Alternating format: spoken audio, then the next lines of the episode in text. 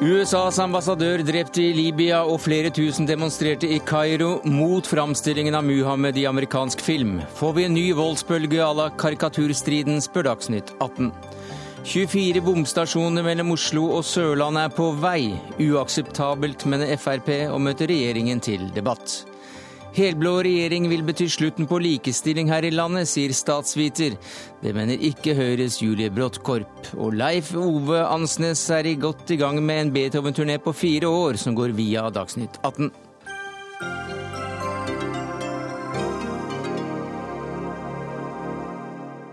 Ja, Det er noen av sakene i eh, Dagsnytt 18 denne onsdagen, der vi også får besøk av forfatteren Yngvar Ambjørnsen. Men vi starter eh, med at USAs ambassadør og tre andre altså ble drept i Libya i går. Og for en snau time siden holdt USAs president en pressekonferanse. The United States condemns in the strongest terms this outrageous and shocking attack. And make no mistake, uh, we will work with the Libyan government to bring to justice the killers who attacked our people. Since our founding, the United States has been a nation that respects all faiths. We reject all efforts to denigrate the religious beliefs of others. But there is absolutely no justification to this type of senseless violence. None. Barack Obama fordømmer drapene på det sterkeste. De ansvarlige skal stilles, ans de ansvarlige skal stilles til ansvar. Anders Tvegård, korrespondent i USA, hva mer sa Barack Obama i dag? Han fortalte også om ambassadørens heltedåd ved først å reise til opprørsbyen Benghazi under arabervåren, og så påta seg ansvar med gjenoppbygging og styrking av landet som ambassadør i Libya, som han var med på å frigjøre.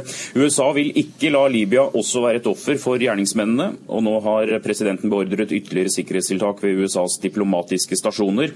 En antiterrorstyrke er på vei til ambassaden i Tripoli for å styrke sikkerheten. Også et signal om den usikkerheten som nå råder. USA har fryktet at ekstreme grupper grupper vil forsøke å kapre revolusjonen i Midtøsten. og Obama har også gitt tydelig uttrykk for at innsatsen nå heller skal dobles for å ære dem som ble drept, og det arbeidet de sto for. Helge Lurås, leder for eh, Senter for internasjonal og strategisk analyse. Hvem står bak disse angrepene mot USAs konsulat i Libyas nest største by, Benghazi?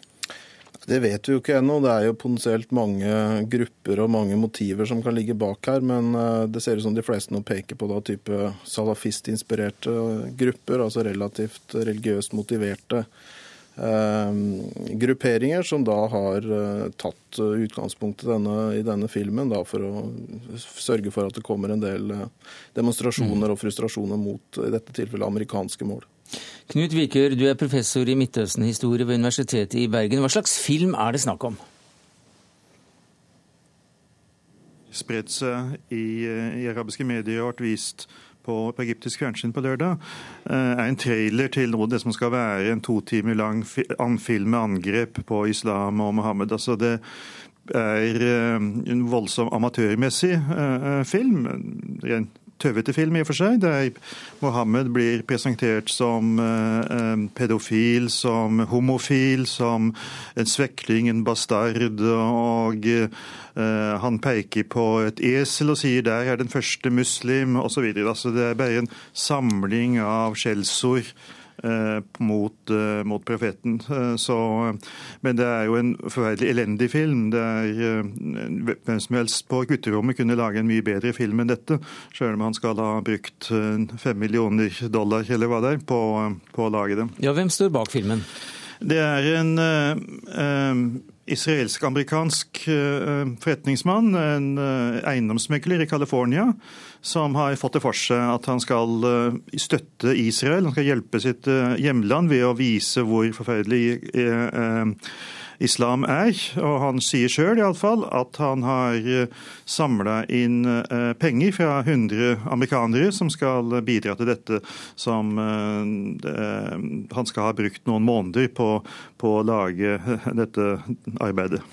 Men dette er jo ikke noen helt ny film. Den har hatt en slags premiere, blitt vist ifølge byråene én gang? En gang, ja. Det er han sjøl som sier dette, at han har vist det en gang i vår, og at uh, ingen svært få kom.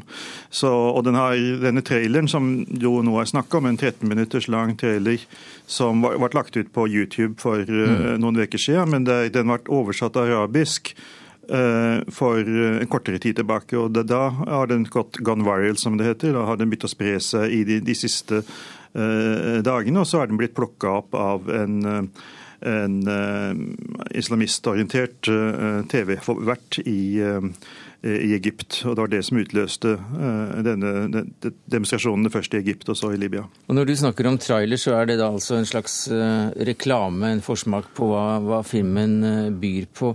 Helge Lurås, du nevnte at denne filmen kan bli brukt, blitt brukt som et påskudd ja, altså jeg sier ikke, altså Det er jo klart det er noen som har organisert denne, dette angrepet på det amerikanske konsulatet. Og, og, og, Så er da spørsmålet de som har organisert det, har de strengt tatt selv vært provosert av denne filmen, eller har de har de bare da brukt dette som et påskudd som sådan. Men det som jo er her, er at det er en rekke ulike konfliktlinjer i eh, Libya i øyeblikket, og, eh, og, som ikke nødvendigvis har så mye med religion eller religiøse sentimenter å gjøre som sådan, som, som da kunne bli brukt av enkelte her. Det er både regionale konflikter mellom øst og vest.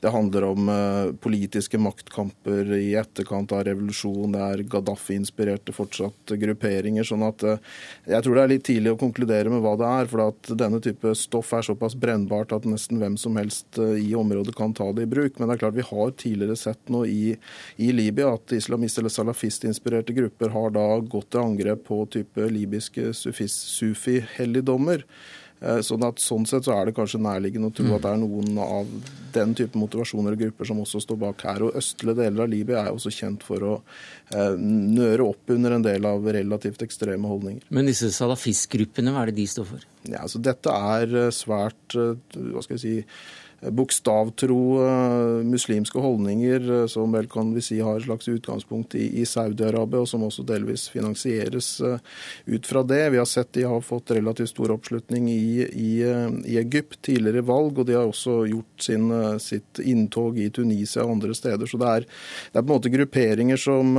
som er, står lenger til høyre, hvis vi kan kalle det det, enn også tradisjonelle islamister. Så dette er ikke brorskapet som sådan. Det er veldig grunnleggende bokstavtro tolkning tolkninger av, av Koranen som de prøver å implementere da i våre dager. Men eh, denne gruppen er altså en av flere grupper som kan stå bak. Hva sier de om situasjonen i Libya i dag? Nei, det er klart Det man jo også tydeligvis eller ser ut til å ha sett i Benghazi nå, var at de offisielle sikkerhetsstyrkene rett og slett evakuerte området. Det har de også gjort tidligere når disse salafistgruppene har kommet på banen. Og Da er det enten da spekulasjoner i at disse har gode kontakter sentralt, at de blir beordra til å eh, stikke av og flykte, eller at de Eh, hva skal jeg si, rett og slett ikke har kapasitet til å stå imot de ulike væpna gruppene. Det er klart mm. Sentralmakten i Libya nå er svak, og det er mange grupper som konkurrerer om makten. og Det gjør også at ekstremistgrupper og relativt få personer som sådan kan utnytte situasjonen og skape uro. Også i Kairo har filmen ført til uro i dag, eh, etter at den ble altså lagt ut på YouTube. Sigurd, Sigurd Falkenberg Mikkelsen, du er vår Midtøsten-korrespondent, eh, er Egypts hovedstad. Hva har skjedd i dag? Nei, Det har vært en noe roligere dag så langt, men de stormet jo da ambassaden her i Kairo i går. Demonstranter som klatret over eh, murene, firte det amerikanske flagget som da hang på halv stang for å markere 11.9. og uh, erstattet det med et uh, sort uh, islamistisk flagg, og satt til slutt da fyr på flagget. jeg var der nå i dag morges, og det var fullt av nye Eh, slagord eh, som var malt på veggene. Og, eh, men nå var det mer politi der enn det var i går. Men allikevel dette ville jo vært helt utenkelig under Hosni Mubaraks dager. og Nå er alle veiene åpne rundt den amerikanske ambassaden, og det er fritt fram for demonstranter. og Det er fortsatt et par hundre demonstranter som er utenfor der og, nå, nå i ettermiddag. og Eh, det er jo da eh, tillyst flere demonstrasjoner, så vi får se hvordan, eh, hvordan, kvelden kommer til å arte seg. Hvem er det som går mot ambassaden? Det er litt uh, forskjellig. Uh, de som er der nå, er en uh, relativt heterogen gruppe. Men det er jo forskjellige islamistgrupper som er aktive i disse demonstrasjonene også. Og vi ser vel tendensene til et en politisk kamp også mellom eh, det mer ytterliggående eh, Al-Noor-partiet, som da har, er en salafistinspirert eh, politisk gruppering, og det nå regjerende muslimske brorskapet. For Vi har ikke sett det muslimske brorskapet ta veldig tydelig avstand til det som har skjedd her. Og De har da oppfordret til fredelige demonstrasjoner, men vi vet jo her fra tidligere at fredelige demonstrasjoner i Kairo ofte, kommer ofte ut av kontroll. sånn at her er det nok mange som eh, bruker, eh, altså, bruker og spiller på, på, lokale politiske motsetninger også i denne, i denne striden som har oppstått. Knut Vikør, vi hørte fra Washington at eh, denne hendelsen og disse hendelsene også setter hele den arabiske våren i vanry i, i USA. Hva sier du til det? Ja, Det er klart at dette får jo eh, gjenslag i den amerikanske opinionen. Eh, det, men eh, det er nok viktig å ha det fokuset på disse hendelsene at de egentlig ikke er eh, innretta mot USA, men det er del av en indre politisk konflikt i henholdsvis Egypt og, og, Libya, spesielt i Libya, der de jo skal nå stå foran utvelgelse av en regjering ganske snart, og, men spesielt da en grunnlovsdebatt om hva slags retning skal Libya få. Så like at dette er en slags markering av at noen ønsker at Libya ikke skal gå i en en provestlig og og sekulær retning, men at islam må få en mye sterkere plass enn det regjering, eller det nåværende regimet i, i, landet står for. Og Da kan vi altså være i den situasjonen Luros, at et angrep mot USAs eiendom så å si, og liv skjer med en gruppe som muligens kan ha vært støttet og eventuelt også bevæpnet av USA selv? Ja, i hvert fall støttet, støttet indirekte, i det minste. Nå mm. prøvde nok USA å kanalisere våpen og annen støtte utenom disse gruppene, men det er klart at det var en del av samme pro prosjektet som sådan med å styrte, disse, med å styrte, styrte, Gaddafi i Libya. Gaddafi kjempet jo mot disse gruppene. Det er det samme som skjer også, og som er frykten i Syria. Der virker amerikanerne å være mer oppsatt på det, men det er klart at det er veldig vanskelig for uten, utenforstående å, å, manipulere den interne logikken, og disse gruppene har en viss oppslutning. Og bin Laden, som da bakteppet, som jo også ble støttet i, i i sin tid i Afghanistan av USA mot Russland eh, den gangen. Men Vikør, eh, Vikør, er det nå da fare for at vi får en spredning av disse urolighetene à la karikaturstriden? Det er det alltid en mulighet for. Vi ser jo at Afghanistan nå har stengt YouTube for sikkerhets skyld, bare for å sikre seg mhm. mot noe lignende. Men det er klart at en må legge vekt på de lokale omstendighetene i hvert enkelt land. Det er ikke noen farsott av den typen som sprer seg her. Det er når det er lokale grupper som har skal vi si, interesse av, eller iallfall eh, har en forutsetning for å, å, å starte med antivestlige eh, angrep, at, at, det skjer. Så Det vil vise seg om det er andre land der det er noen som syns at dette her er en, en god idé. Anders Tvegård i USA, disse urolighetene, eller disse episodene skjer altså midt under den amerikanske valgkampen. Hva slags innvirkning kan den få der? Ja, altså Republikanerne de forsøker jo å rakke ned på Obamas eh, styrke og det som tradisjonelt har tilhørt eh, republikanerne, arbeidet for sikkerhet. Mitt Romney han eh, tillegger Obama uttalelsen, den første skriftlige uttalelsen fra ambassaden i Egypt etter protestene der, der Romney mente at USA er for ettergivende og beklagende. Det sendes forskjellige signaler til landene, mener han, og Obama var også for sent ute med å, å fordømme. Obama har ikke svart på dette her, men kampanjen hans har sendt ut også da en uttalelse om at de er sjokkert over at man vil gjøre en så grusom hendelse til eh, politikk. Viktigste valgkampspørsmål her nå er økonomien, men det er klart at en sånn hendelse som dette her blir også, også diskutert. Men er det kravet da om at Obama skal være tøff, slå tilbake på noen måte? Det går mer på at uh, ambassaden f.eks.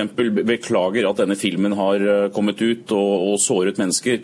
Uh, og, og, og, religionen. Obama han sa også på talerstolen i dag at USA er bygd på religionsfrihet, og man ikke skal angripe andre for den type tro. Og slike angrep også mot en, eller spesielt mot en, en diplomatpost, det, det møter ingen, ingen, forståelse noen steder. Og nå er, nå er sikkerhetstiltak rundt amerikanske ambassader i hele verden da forsterket? Ja, Han har um, gitt ordre om at uh, man skal styrke sikkerheten ved ambassadene. I Libya så er et antiterrorteam på vei. Eh, dette fordi at de er eh, redd for at eh, denne videofilmen kan spre seg videre på, på internett. Men akkurat nå så er det innsamling av opplysninger som pågår for å finne ut hvem som sto bak, om det var et koordinert angrep i, det, i de to landene. Og det er også en erkjennelse av at de landene USA nå er i, Libya og Egypt, ikke kan garantere for diplomatiet forventer. Men, men, ellers er det for tidlig å, å, å snakke om konsekvensene f.eks. mellom uh, de, de, diplomatiske forbindelsene, bortsett fra at USA står, står ved lag og, og, heller dobler innsatsen. Ja, hvilken, hvilke dilemmaer eh, reiser dette overfor f.eks. myndighetene i Libya nå, Viker? Hva må de gjøre her? Ja, de har jo et problem, da. Ja. For det er klart at eh, USA eh, Det de USA nå sier, er jo at vi skal hjelpe de libyske myndigheter med å skaffe eh, de skyldige for retten osv. Men, men de, de, myndighetene har jo ikke mulighet til det. Problemet er jo nettopp det at disse militsene har myndighet, de har autonomi, de har det militære slagkraft. Ikke bare disse islamistene, de er bare noen få av uendelighet, eh, hundrevis av militser som, eh, som eh, myndighetene ikke er i stand til å kontrollere. Så er, Myndighetene har store problemer med å finne ut hva skal de egentlig gjøre for å få kontroll over, over denne situasjonen nå. Lurås, hva tror du? Kan dette være det som igjen tenner en, en brann mot Vesten i Midtøsten?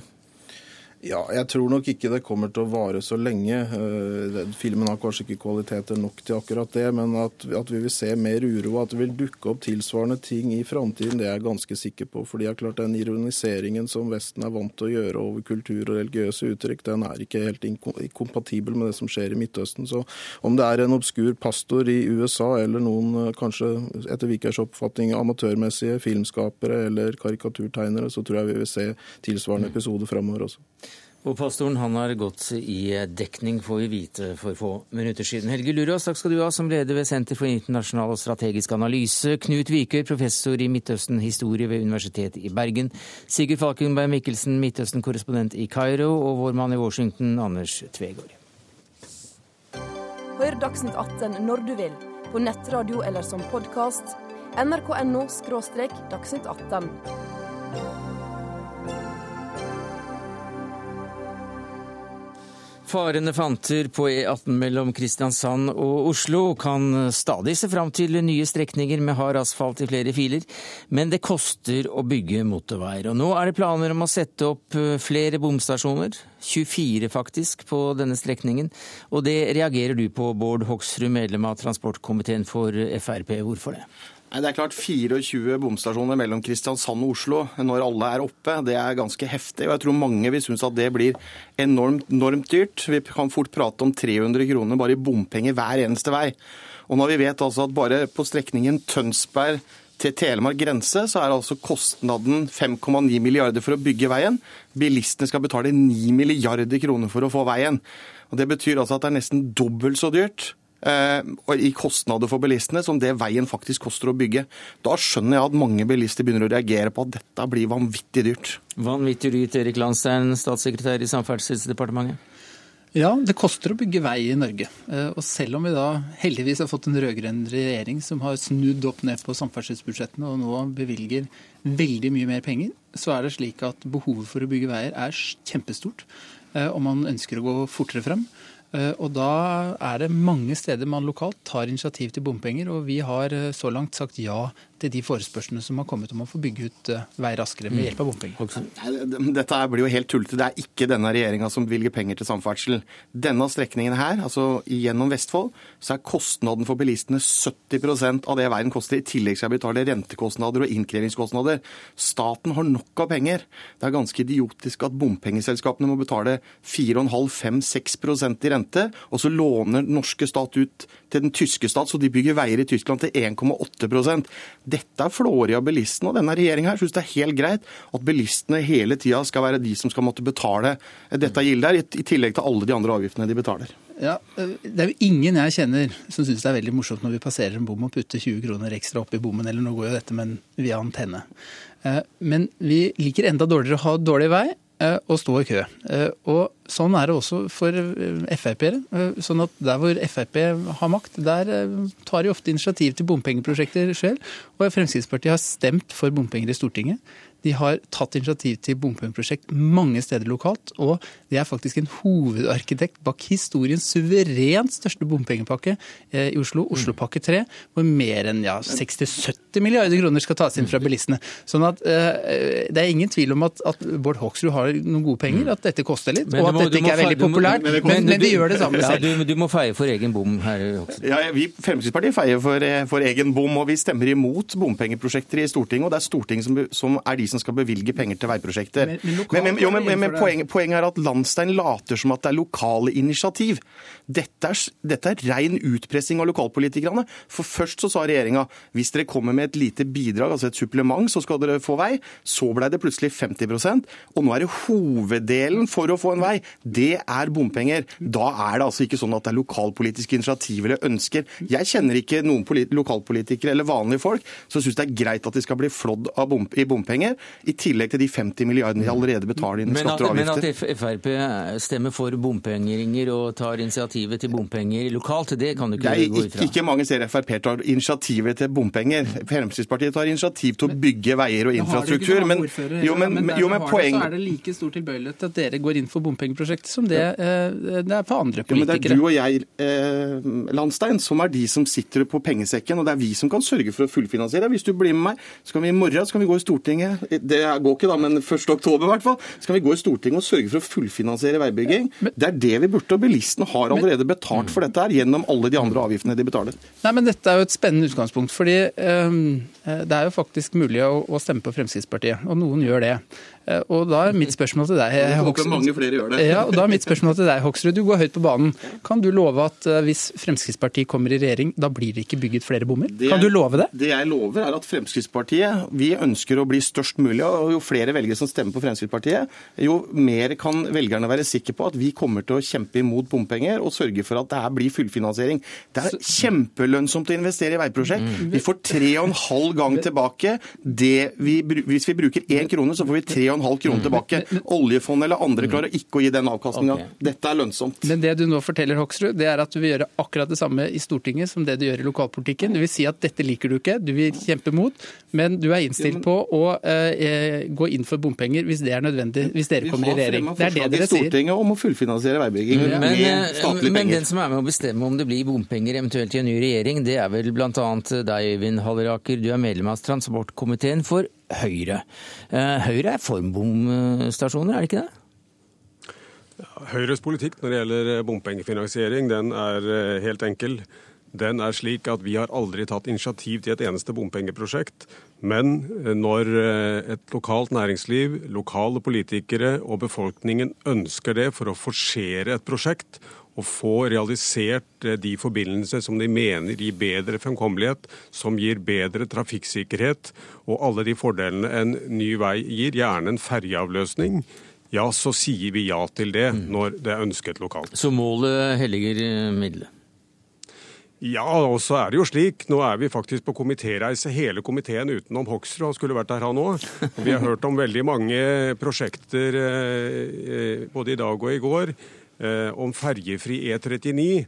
Og vi har altså ikke hørt et eneste argument mot å delfinansiere dette med bompenger. Nå er det jo også slik at eh, flere av disse ferjestrekningene er relativt kostbare å mm. passere i dag, og det vil jo være en alternativ kostnad. Nå nevnte Hoksrud eh, veien mellom eh, Oslo og Kristiansand. Bare ferjen mellom Os og Stord, så koster det over 200 kroner for en bil i dag. Ja, nei, altså, jeg synes Det er godt å høre at Høyre sier at ikke de er for bompenger, men dessverre så stemmer de for det i Stortinget. Det er jo det vi skal gjøre alt vi kan fra Fremskrittspartiets side, og det er derfor det er viktig at velgerne stemmer på Fremskrittspartiet og ikke på Høyre, og sørger for at Fremskrittspartiet blir størst mulig, nettopp for at vi skal unngå dette flåeriet av norske bilister i form av bompenger, i tillegg til alle de andre avgiftene. Man kunne jo vært med på at bompenger kunne vært en måte å finansiere på, hvis ikke bilistene først betaler tre ganger så mye som vi får tilbake til samferdsel i eh, andre bilrelaterte avgifter. Så Det er jo det som er synd, er at vi har et politisk flertall som syns det er helt greit å flå norske bilister. Fremskrittspartiet syns ikke det. Vi mener faktisk at det er fornuftig å investere i, sta- Men i tilbake til veier. akkurat bommer. Ja, vær så god fra Molde. Eh, Jeg syns det er riktig å adressere et spørsmål til Frp. For eh, de har ikke noe mer penger enn oss andre. Nei. De pengene de eventuelt da bruker til bompenger, de eh, setter vi av til andre formål, som også er svært viktige for det norske samfunn. Og det er en viktig problemstilling. Så er det slik at når Frp en gang kommer i regjering, hvis de gjør det, så må de også lære seg å prioritere. Det slipper de når de nå sitter i opposisjon. Men når de kommer i posisjon i alle andre eh, nivåer, altså fylker, kommuner rundt omkring, så er det riktig som programlederen sier. Da stemmer de for bompenger, for de ser at det er muligheten. Nå har Bård Hoksrud vært eh, lokalpolitiker og sitte i posisjon både i kommunestyret og fylkesting og på storting, og vi har stemt imot disse her bompengeprosjektene. Men, men hele poenget er jo altså, det er den der, og det er det jeg syns er synd med Halleraker og Høyre, fordi han sier at vi har akkurat de samme pengene. Ja, vi har de samme pengene, men poenget det handler om hvordan man prioriterer og bruker de. Vi mener at det å investere i infrastruktur det gir den beste avkastninga tilbake. Vi er ikke opptatt av å bygge lyntog til flere hundretalls milliarder, som det Høyre har sagt at de ønsker å gjøre. Vi ønsker å prioritere å bygge veier og modernisere det jernbanenettet vi har nå. Og det vil redusere ulykkene, som gjør at vi kan bruke penger istedenfor på ulykker, så kan vi bruke pengene faktisk på å bygge vei og infrastruktur. det Men da må vi ligge litt på Nå er det et dårlig bilde det også, å dra denne debatten tilbake på skinnene igjen. Men uh, Landstein, tilbake igjen til da bomringene. Er det riktig at en pris på turen uh, Kristiansand-Oslo blir rundt 300 kroner hvis regjeringen får det som den vil? Ja, det er jo ikke slik at er hvis regjeringen får det som den vil, men det er jo slik at Hvis du får det som du vil. Hvis det er slik at lokalpolitikerne mener at dette er så viktig å få gjort enda litt fortere enn det man kan få gjort med økte statlige bevilgninger, Mm. Eh, ja, så må vi sette oss ned og diskutere. Blir den totale bompengebelastningen for stor, eller er dette akseptabelt? Mm. Hvis svaret er at dette er akseptabelt, så vil vi nok mest sannsynlig si ja. Og det er som Halleraker sier, veldig mye dyrere f.eks. hvis du skal reise med en ferge og passere to bommer på Vestlandet. Mm. Men er, du er 300 snart oppe på lavprisbilletten for et fly da, for Oslo-Kristiansand. Men eh, dette med at du får opp så mange flere bomstasjoner, må det nødvendigvis gjøre at det blir så mye dyrere? Da er det ikke det bare en mer eh, demokratisk måte å, å fordele avgiftene på, slik at hvis du kjører veldig kort, så, så betaler du mindre? Det er jo det som er liksom hensikten som de nå prøver, prøver å dekke seg bak. Men det som er utfordringen er at det koster altså Statens vegvesen sier 2-3 milliarder per antennepunkt.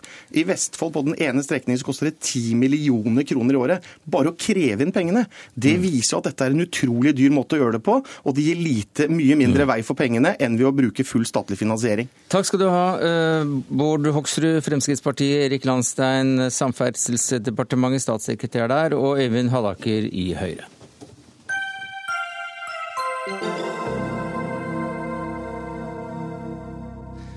I løpet av de neste fire årene skal han spille 150 konserter for ca. 200 000 mennesker og gi ut tre plater, og alt med Beethovens musikk.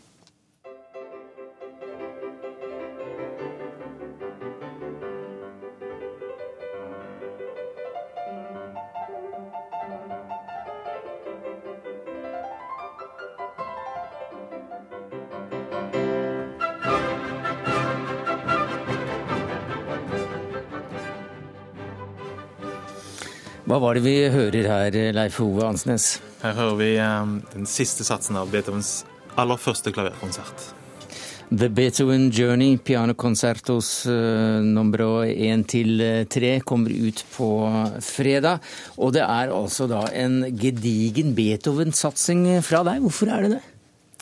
Det er fordi at eh, jeg er endelig blitt voksen og må ta tak i denne musikken som jeg i hvert fall nå syns er liksom helt fantastisk. Så dette er for adults only? For adults only. Ja, sånn føles det litt for meg. altså Jeg har liksom vokst inn i denne musikken, eh, og nå opplever at det har så mange aspekter av denne musikken. og Jeg syns det er musikk for vår tid også. Hvordan da? Beethoven tar tak i, eh, i kragen på oss og sier 'lytt, lytt, jeg har noe viktig å si'. Han er som en eh, han er som en fantastisk taler. Hvis man hører på eh, Obama tale? Så, mm. så, har man alltid følelsen av at det kommer noe viktigere. Det kommer, altså Jeg må følge med. Det kommer til å komme et viktig poeng. Um, sånn er det med Beethovens musikk. Det er en enorm spenning der. Uh, og det, det, det, elsker jeg. Og sånn sett passer han også for vår tid, det at han insisterer sånn på at vi skal lytte. For det er så mye støy i vår tid. Det er vanskelig for den klassiske musikken noen gang å komme igjennom. Ja, Men sier, Beethoven gjør det. Ja, du sier at uh, du ser med skepsis uh, på um, hva vi skriver om vår tid om en 10-20-30 år, at det da er nesten bare rock og, rock og pop. Roll over Beethoven, var det en filosof som sa en gang. Ja, altså det er mye fint med vår tid, men jeg tror det er også veldig mye korttidshukommelse. Og jeg tror at vi må, må passe på at vi ikke eh, glemmer røttene våre. Og jeg, jeg, mm. tror, jeg tror, at den store kunsten har mye, mye, å fortelle oss i dag. Om det å være menneske også i dag. Og Beethoven var en som virkelig eh, hadde store humanistiske ideer. Han hadde jo eh, virkelig noen tanker med musikken.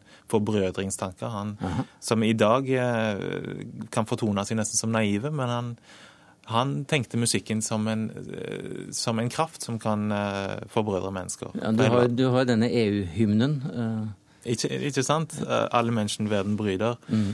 fra Nien-symfonien til Beethoven. Og dette er store tanker. og jeg, jeg, ser jo igjen at når det skjer store omveltninger i, i verden, som revolusjonen vi opplever i Midtøsten, så musikk som blir brukt for å, eh, for, å sette på, for, å sette toner til følelsene, er ofte Beethovens musikk. Men du sier også at eh, det, er, det, har noe med en modenhet å gjøre hos deg. At du er kommet til det skrittet at nå begir du deg inn på, på dette feltet. Er det, er det vanskelig teknisk, eller er det vrient mentalt å det, få det ut?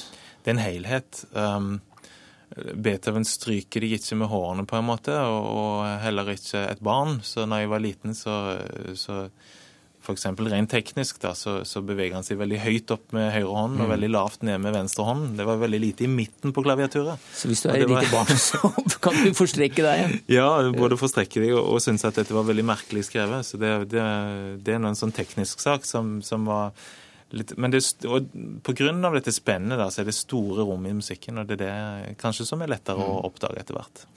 Men du sier også at du, du er blitt voksen nå, og at Beethoven-prosjektet det sementerer det. Hva legger du i det? Nei, jeg vet ikke. Jeg opplever, jeg opplever nye sider ved Beethoven. Denne naive, barnlige delen også av Beethoven. Den, den troen, på, troen på kunsten, troen på mennesket. Um, jeg opplever at jeg kan hengi meg til øyeblikket på en annen eh, måte enn tidligere. Jeg er blitt far de siste par årene, og sånne ting spiller inn. Altså, uh, for meg er Beethoven så stor at det er vanskelig å forstå han. Uh, men man kan i hvert fall etter hvert, som man kanskje blir litt klokere i livet, oppleve flere sider ved den. Mm. Du har også da en toåring, som du sa. Er barnet også Beethoven-fan, eller er det mer Margrethe Munthe og Der går de Torbjørn Egner. Torbjørn Hakkebakkeskogen. Veldig mye. Eh, du er selv blitt voksen, 42 år. og eh, du har vært med i dette gamet nå i, eh, i 25 år, på mer eller mindre topp toppnivå. Og i en kritikk i det fra en storavis i New York, New York Times, så trekker de fram at her sånn så får vi en, får vi en, eh, en utøver som ikke lar seg hengi til vulgariteter ved å også gå inn på det voldsomme dynamiske man kan få ut av Beethoven, men heller gjør det litt nøkternt og kjølig. Det og det er, det er, ment som et kompliment. ja, det høres kjedelig ut. uh, men uh, altså for meg så det er vanskelig å se sånne ting utenfor. Jeg, jeg må være oppriktig i forhold til, til, den musikken jeg gjør, og hva, den, hva jeg føler den trenger eh, av effekter. Jeg har aldri vært interessert i effekten for effektens skyld, men at den skal gå inn i en, inn i en sammenheng og, og, skal fortelle en historie. For meg så, så, føler jeg at Beethovens musikk eh, forteller en historie. Jeg kan, ikke, jeg kan ikke fortelle nøyaktig hvilken historie det er, eh, for da var det ikke musikk, da var det ord. Men, men øh, utvendige effekter er ikke, er ikke, nødvendigvis det som er eh, mest virkningsfullt. Mm. Selv, om, selv om Beethoven sannelig eh, var sannelig en provokatør også. Han, han, viser fingeren ganske ofte i musikken sin. For, for, det er jo de som lar seg rive med i drivende rytmer, dramatiske kontraster i, i, i notene her. Veldig. Uh, altså, Beethoven er En av tingene med Beethoven er at han alltid er overraskende. Han, har den merkelige kombinasjonen av å være overraskende og organisk. Altså, du opplever en stor helhet, samtidig som du er alltid på alerten. Hva, hva er det som er rundt neste sving? Men denne kritikeren den, han skriver også uh, at du, du, spilte Beethoven uh, da du opptrådte i fjor i Carnegie Hall og startet det hele, med uhyggelig ro og myndighet. Ja, det Det er mulig, det. det ja. Altså, det, det, høres jo fint ut. Altså, jeg, jeg, jeg, prøver også å gjøre Beethoven på en måte som ja, Det høres kanskje litt stort ut, men at lytteren kan dikte med. Ja. Altså, Noen ganger så har man utøvere hvor man føler at man får servert alt, sånn at det ikke blir plass for lytterens egen uh, kreativitet, på en måte. Mm. Hvis jeg sitter i en konsertsal, så vil jeg gjerne så vil jeg gjerne lytte noe hvor jeg, eh, hvor jeg sjøl vil være med. Jeg vil sjøl være med og skape fortellingen. Um, og det syns jeg er interessant med den klassiske musikken. At uh, hvis man sitter på scenen, så prøver i hvert fall jeg å skape et rom rundt meg som folk kan tiltrekkes til.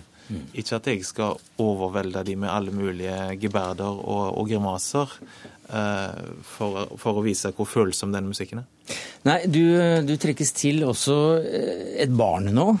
Eh, som eh, vel må gjøre noe med lysten til også å være rundt omkring i, i, hele verden. Hva syns du om det, da? Altså, hva har det gjort med inspirasjonen til å legge ut på 150 konserter og treffe 200 000 nye mennesker? Det å ha et barn? Ja. Um, ja jeg, tenker jo etter hvert på, på neste generasjon med med lyttere, med musikere. Og, og jeg syns dette har eh, Dette er jo først og fremst en, en personlig reise for meg sjøl inn i Beethovens univers, men også at jeg føler at denne musikken er Det er viktig at vi tar vare på den. Det er viktig, det er viktig for meg at dattera mi Sigrid blir glad i den musikken. Eh, det er jo fordi jeg er så glad i den, men, men også fordi at jeg tror at det, at det, det er berikende for mennesker. Og jeg tror i den vestlige verden så er det sånn litt nå at vi mister litt disse røttene. Mm av og til uh, Vi forstår ikke helt hvilken tyngde dette har med Beethoven, Shakespeare, Munch, Ibsen i vår kultur. Hva er det de kan si til oss i dag? Jeg tror de kan si en masse. Men akkurat hva de sier, da blir det også litteratur? Ja, da blir det mm. litteratur. men, men store følelser, store tanker. De, de, lærer oss, de lærer oss en masse ting om oss sjøl. Mm. Og vi ser, eh, jeg ser det når det gjelder den klassiske musikken, at det er jo andre deler av verden nå hvor unge mennesker virkelig tar tak i dette. Venezuela, Kina. Mm. Uh, kommer massevis av unge mennesker på konserten. Du, Vi nærmer oss slutten her, men uh, 42 år, du har vært med på to toppnivå lenge, lenge, lenge. Hva er pensjonsalderen også? Hvordan er pensjonsordningene forhandlet fram av paraplyorganisasjonen for verdens beste pianister? Ja, det som er fint med den profesjonen, er at eh, med mindre jeg får en revmatisk lidelse eller er eh, utsatt for ulykke eller andre for noen helsemessige problemer, så, så, så, kan jeg jo holde på med dette uh, til jeg stuper. Um, og det har noen pianister gjort, helt til de har vært uh, langt opp i 90-årene i hvert fall. Vi krysser fingrene for at du fremdeles har 50 gode år igjen som pianist. Leif Ove Ansnes, aktuell nå med The Beethoven Journey.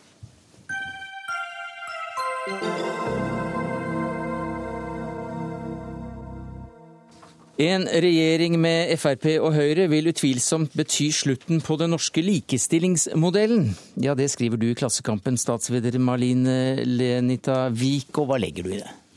Nei, det jeg legger i det, er jo at eh, de siste 30 årene så har vi ikke hatt en regjering som ikke har likestillingspolitikk. Um, Høyre har jo sittet i regjering på 80-tallet og også på begynnelsen av 2000-tallet. Men eh, på 80-tallet så hadde jo Høyre betydelig med likestillingspolitikk i sine partiprogrammer. Eh, og når de samarbeidet med KrF og Venstre på begynnelsen av 2000-tallet, så hadde både KrF og Venstre mye likestillingspolitikk. Men nå har vi altså et nytt scenario hvor Frp og Høyre kan komme til å samarbeide. Og når jeg har gått gjennom partiprogrammene til Høyre og Frp, så har ikke de likestillingspolitikk. Eller Eh, Frp har likestillingspolitikk, men den består av å avvikle de likestillingspolitiske tiltakene vi har i dag, og det likestillingsapparatet vi har i dag. Hva sier du til det, Julie Bråttkorp, leder for Høyres kvinneforum? Altså, jeg må jo spørre meg liksom, hva man da kaller likestillingspolitikk. Eh, for er det noen som har tatt opp de temaene både i samfunnsdebatten og i Stortinget de siste årene, så er det da absolutt Høyre. Altså, vi er de som har gått inn for en kompetansepott, sånn at uh, kvinnelige lærere og sykepleiere kan få høyere lønn. Vi er de som har tatt opp at overgrepsmottakene må få fagfolk, slik at voldtatte kvinner faktisk kan uh, oppleve at bevis sikres. Det er vi som har tatt opp at man må sørge for at man har hyppigere DNA-analyser, og jeg kan fortsette å ramse og ramse ramse og ramse opp. Og så må jeg også til eh, Fremskrittspartiets eh, forsvar si at jeg skjønner ikke helt eh, at man kan hevde at man ved å eventuelt få med Fremskrittspartiet i regjering ikke får en likestillingspolitikk. Jeg tror ikke ikke noe annet parti enn Fremskrittspartiet har hatt et, en partileder som faktisk konsentrerte seg om kvinnehistorien i partiet sitt eh, i en hel landsmøtetale. Det var i 2009. La oss ta Høyre først. Altså, du hørte her en lang remse med tiltak og, og, og politiske utsagn som alt tyder på at de tar kvinnene på alvor her. Ja, altså det, Nå ser jeg på likestillings, eller på partiprogrammet deres og den programfestede likestillingspolitikken. Uh, og det er jo helt uh, riktig som Julie sier, at det antageligvis ikke vil bli vanskelig for Høyre å samarbeide med Frp om likestillingspolitikken. Det er fordi at uh, disse partiene er enige om at ikke vi skal ha fedrekvote, satse på likelønn, at ikke vi skal jobbe for å bedre arbeidsforholdene til i de kvinnedominerte yrkene, og at de vil ta vekk kvoteringen. Så der er jo Høyre og Frp helt på linje. så det vil ikke bli problematisk for de å, å samarbeide i disse temaene.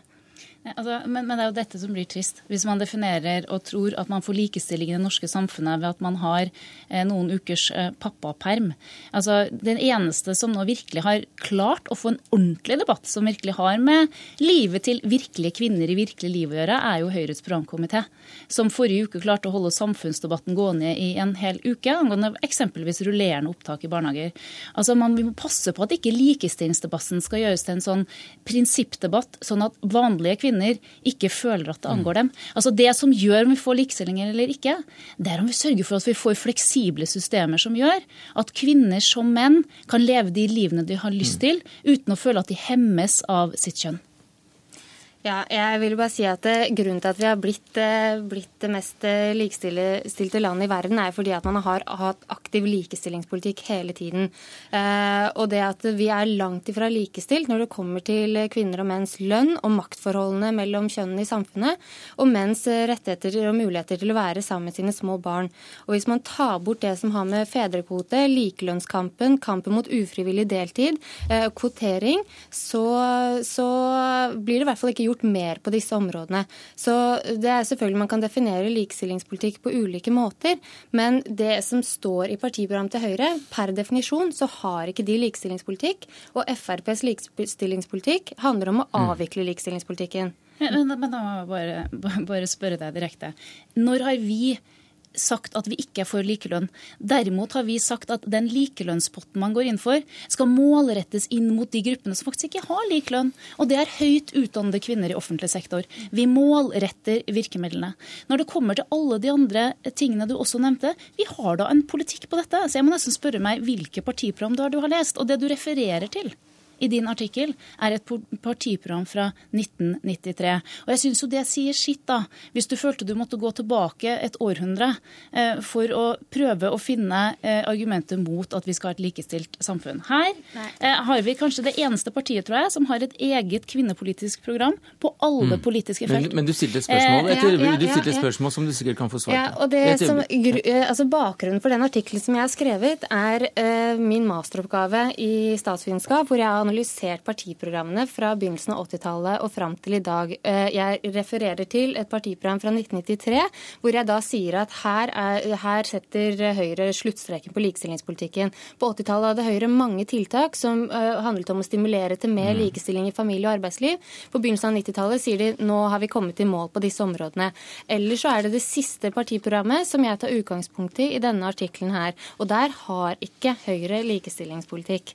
Ja, altså, eh, Men hvor, hvor, hvor, på programmet ditt finner du den beste likestillingspolitikken? altså det er det, skal du få likestilling i det norske samfunnet, så må du gå inn på hvert enkelt politisk felt. Du kan ikke, som statsfeministene ønsker, bare sette det til et nytt byråkrati eh, og si at nå skal vi skaffe likestilling. Vi må kreve at næringsministeren går inn i de statlig eide selskapene og sørger for likestilling. Vi må gå inn i, kultur, man må gå inn i kulturpolitikken og sørge for mm. det samme. det er det vi har gjort. Så hvis man kan forholde seg til at det er et valg i 2013 med et nytt partiprogram Jeg må nesten bare stille spørsmålet om du ikke ser at, at det da gjennomsyrer kanskje hele Høyres program at det er likestilling de er for, men at du har hengt deg på at ikke det ikke er en egen boks som heter likestilling? Ja, det kan godt hende. Jeg har, har gått gjennom hele hele partiprogrammet også. Jeg har ikke tatt og gått gjennom eh, partiprogrammet og tenkt implikasjoner dette har for kvinner gjennom hele programmet.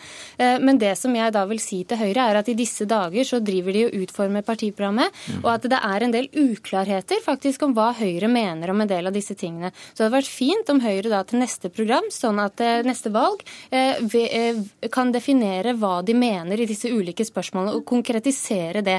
Fordi at da vet velgerne hvor Høyre står i disse spørsmålene. For en del ting så er det åpent åpent. Man vet ikke helt. Hva, hva er det du, du, ikke får svar på? Det er kvoteringen. Hvor står dere i forhold til kvotering? I, i kvotering har vi vært helt klar. Vi innførte kvotering, 40% i ASA-styrene. Mm. Men Høyre går ikke inn for å utvide til, til AS-ene. Mm. Og det er av to grunner. Det ene er at privat eiendomsrekt er viktig for oss. Og kvoteringen til de statlige styrene, ASA-styrene, har vist at det det har ført til, er at vi gikk fra gutteklubben Grei til jenteklubben Grei. Det er noen få kvinner som nå sitter på alle mm. styrevervene. Ja, det, det, har ikke, det har ikke ført ført til likestilling videre. Likelønn kan jeg svare deg på. Mm. Der har vi også, hvis du hadde gått inn i politikkens realiteter, tatt opp i forslaget mange ganger i Stortinget at vi ønsker å bruke den potten på en kompetansepott mm. målrettet inn mot de gruppene som ikke har. Er det noe mer? Nei, jeg tenker at dere må definere hva av dette her som er like, likestillingspolitikk. Men det er da likestillingspolitikk, og, og dermed så har vi fått hvert fall en utfordring i gang her. Malin Lenita Wiik. takk skal du ha som statsviter og skribent i Klassekampen. Julie Bråttkorp, leder for Høyres kvinneforum.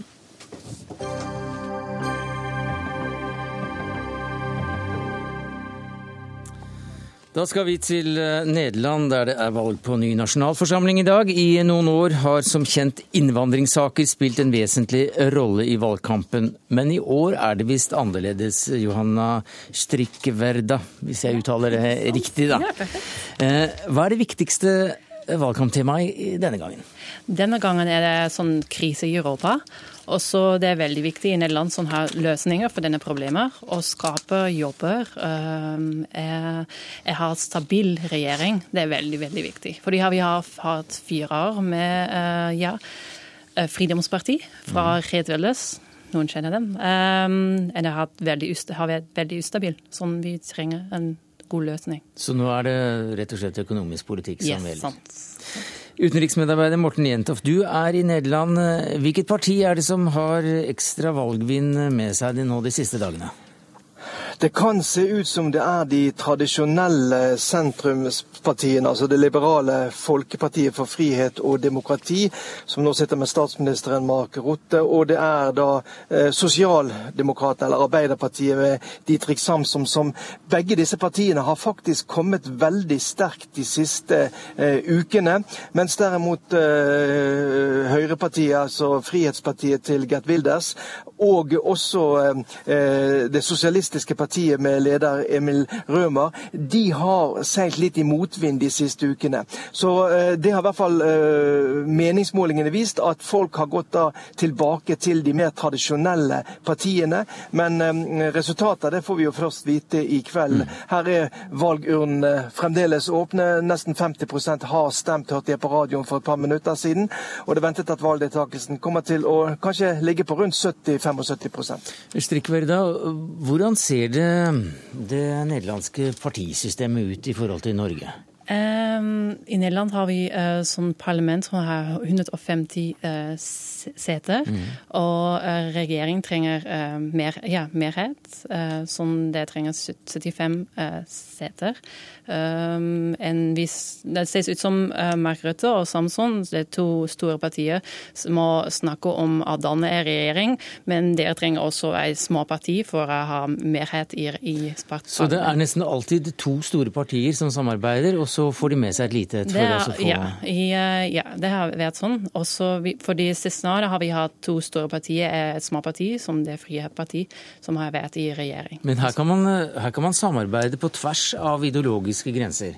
Eh, det, det, det, det, er mest interessant nå, fordi vi har liberaler som er litt høyere, mm. med til høyre.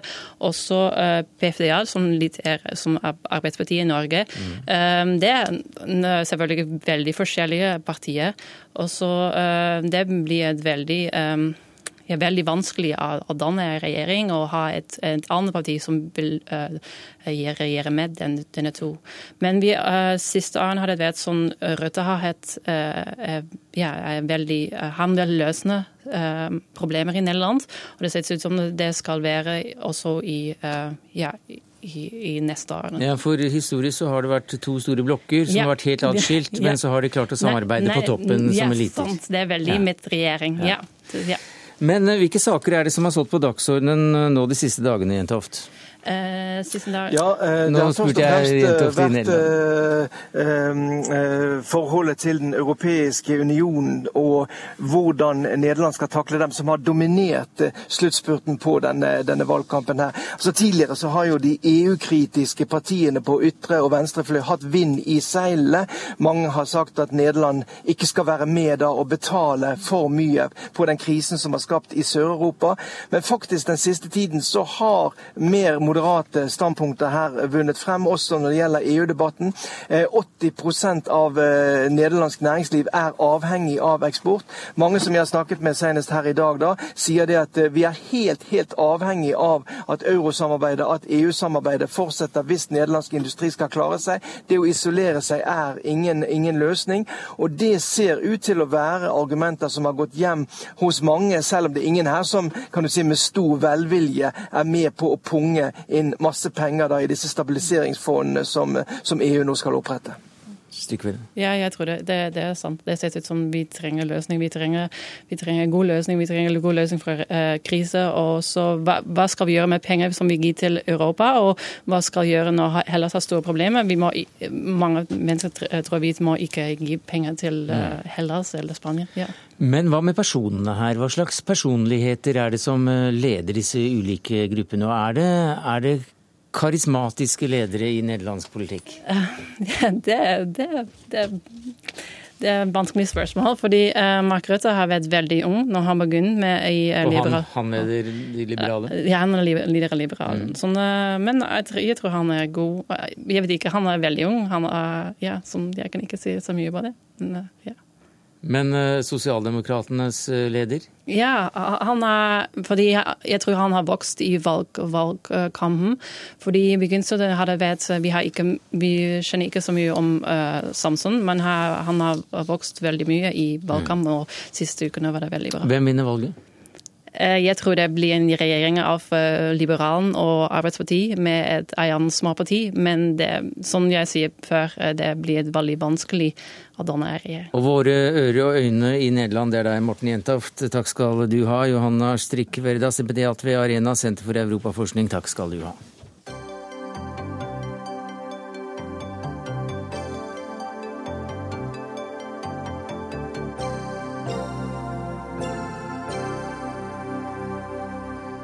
Natten drømmer om dagen. Hva slags bok er det du har skrevet nå, Ingvar Ambjørnsen?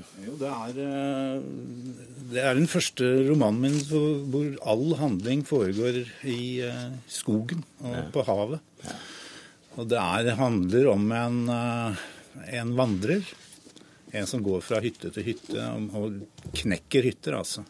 Så det er en sånn litt sånn halvkriminell røver dette her. Men er det en biografi over vandreren som han er kjent som? Han som vel nå sitter inne, men som har eh, brutt seg inn i hundrevis av hytter gjennom mange mange nei, år i Norge? Nei, slettes ikke. slettes ikke. Jeg har ikke hatt han som modell egentlig i det Mm. hele tatt. Men jeg, altså på 80- og 90-tallet så kjente jeg folk som levde sånn som disse gutta som jeg, eller disse menneskene som jeg omtaler i denne boka. her. Og Så som gikk fra hytte til hytte ja, var, ja, veldig mye. Altså, og lå ute i lavvo. Og, altså, Dette var sånn, Jeg kalte det for skogspunkere. Ja. Og de, de var fremdeles med litt sånn grønt i håret, men de eh, hadde det beste utstyret. da, Soveposer som du kunne ligge ute i 50 kuldegrader med. og sånn. Mens, de, er, din, mens din, din hovedperson her, eh, i motsetning til da den kjente eh, og reelle vandreren, det hender jo at han tar malerpausen han, når han kommer til en hytte, og så maler han eh, Jeg beskriver en sånn. vestveggen. Jeg beskriver en sånn. Som takk for lånet? Ja, altså Han tar ha- hagla di, og han eh, drikker opp brennevinet ditt, men det kan godt hende han har beisa sørveggen, hvis han ser det er nødvendig. ja. Du, denne boka er jo da Hovedpersonen er jo igjen en outsider. Jo, men ja. Han er det. Han ja. er det. De er jo det, hele gjengen her. Ja, det er det. Men altså min teori da er jo at vi egentlig er outsidere. Altså Det normale mennesket finnes ikke egentlig for meg, altså. Nei, men Du har jo skrevet om normale mennesker òg, for så vidt. Men eh, her er vi tilbake til Elling, eller hva? Nei, det er vel slettes ikke Elling. Han holder på på andre fronter. Jo, men i hvert fall et samhold i en gruppe som er litt utenfor eh, ja, samfunnet. Jo da. jo da. Det er det. Er det. det er jo et spor hos meg, det. altså. Det er det. Men det er også første bok i en, ikke en serie, men i en gruppe bøker. Som, dette er første biten i et eh, forholdsvis stort puslespill. Ja, Det største du er, har vært med på, har ja, sagt? det har vært åpningen til det. Ja. altså. Ja. Fire, fem, seks bøker? Ja, ja. Jeg tenker noe sånt. Og hva er tråden, eller hva er grunnideen? Nei, De vil altså ha krysningspunkter. Så det er ikke noe sånn i nummer én, to og tre. Men det vil f.eks. Det fins personer som er nevnt i den boka der, som vil komme opp som kanskje hovedfigurer i, i andre romaner. En roman om å hoppe av. Ja, Det er jo det, han, det, er jo det Sune vil, egentlig. Hovedpersonen Sune. det er ty tydelig at han har hatt sånne røkk. At han har en periode hvor han forsvinner fra, fra familien. Han bryter jo ut av en familie. Mm. I det denne boka tar til, så har han jo tatt, bestemt seg for at det ikke er noen vei tilbake. Så er det et fantastisk møte med en helt overraskende person som forandrer forandrer mye. det blir jo en viktig person som dukker opp. det var, Jeg planlegger lite, så da, jeg lar meg ofte overraske. Altså Jeg visste at han måtte ha en person tett på seg ute i boka et sted. Men jeg visste ikke hvem det var. Nei, eller hvor vedkommende kom fra. Nei. Vi sier ikke mer. Men eh, du, av en eller annen grunn så forbindes du mer med, med sigaretter uten eh, filter og eh, med ulikt innhold, kneiper, avec og uh, mer det enn lyriske skildringer av vare stemninger i telemarksnaturen? Nei, jeg har vært der òg. fordi du vet, altså, i, i novellene mine så er det mye natur. Faktisk. Mange av novellene er, utspiller seg ute, både i skogen og i, på vannene. og sånn. Men, men denne gangen har jeg virkelig vært på skautur, altså, så det, og det har vært en fin, en fin tur. Ja, Har du vært på research i det siste, eller har du Nei, sittet nei, nede i nei, Hamburg? Hamburg Jeg og sitter i kroken min i Hamburg, ja. Men du vet, jeg- altså, min generasjon nordmenn, vi, har, vi, er, jo- vi er jo vokst opp på den måten. Vi er jo vokst opp på tur med hele hyttekulturen og alt det greiene. Så jeg har jo alt det der inne. Jeg er jo gammel speider også. men Jeg er jo til og med ja, patruljefører i Ørn. så jeg har og Knute, knuteprøven og alt? Ja da. Og jeg har, jeg har jo ganske god greie på fugl, altså. Ja. så det, det er en sånn hab, forholdsvis habil hobbyornitolog. Så det er ikke bare på en eller annen revejakt du har Nei, vært ute på? Nei, her er det en helt annen men, men det er jo klart at det, miljøet jeg skildrer her, er nok Mange vil nok kjenne det igjen fra de tidligere bøkene mine, fra 80-tallet. Men du, det å gå i gang med det du selv sier er det største puslespillet ditt eh, i din litterære historie, og den har jammen vært ganske lang og full av suksesser. eh, Voldsomt ambisiøst. Ja, men det er jo bare fordi at jeg har, altså jeg har ideen til flere, flere fortellinger i, i det i, altså Dette prosjektet er såpass stort, altså. Så det er klart, ambisiøst. Ja, jeg skriver jo, jeg lever jo av dette her og har gjort det i over 30 år, sånn at jeg må jo holde meg i gang. To live outside the law, you must be honest, var det en mann som sa. Mm. Bob Dylan. Ja. Og han innleder også eh, et av avsnittene i boka di. Ja, det er riktig. Jo, han er jo eh, som sagt en litt sånn, litt sånn edelbanditt. Han er en superegoist. Det er en annen sak. Men uh, Men vi liker han. jeg liker han i hvert fall. Jeg er litt svak for sånne typer. Da. Du er selv anmelder. Eh, Anmeldelsene kommer ikke ennå, for boka slippes i morgen. Eh, Er det en god bok? Ja. Det er, en, det er en god bok. Takk skal du ha, Ingvar Ambjørnsen, altså forfatter av eh, boka 'Natten drømmer om dagen'. Der fikk vi den første anmeldelsen av boka i Dagsnytt 18 denne onsdagen. Da er eh, det slutt. Vi eh, takker de ansvarlige, Siri Storstein Hytten og Hans Ole Hummelvold. Jeg heter Sverre Tom Radøy.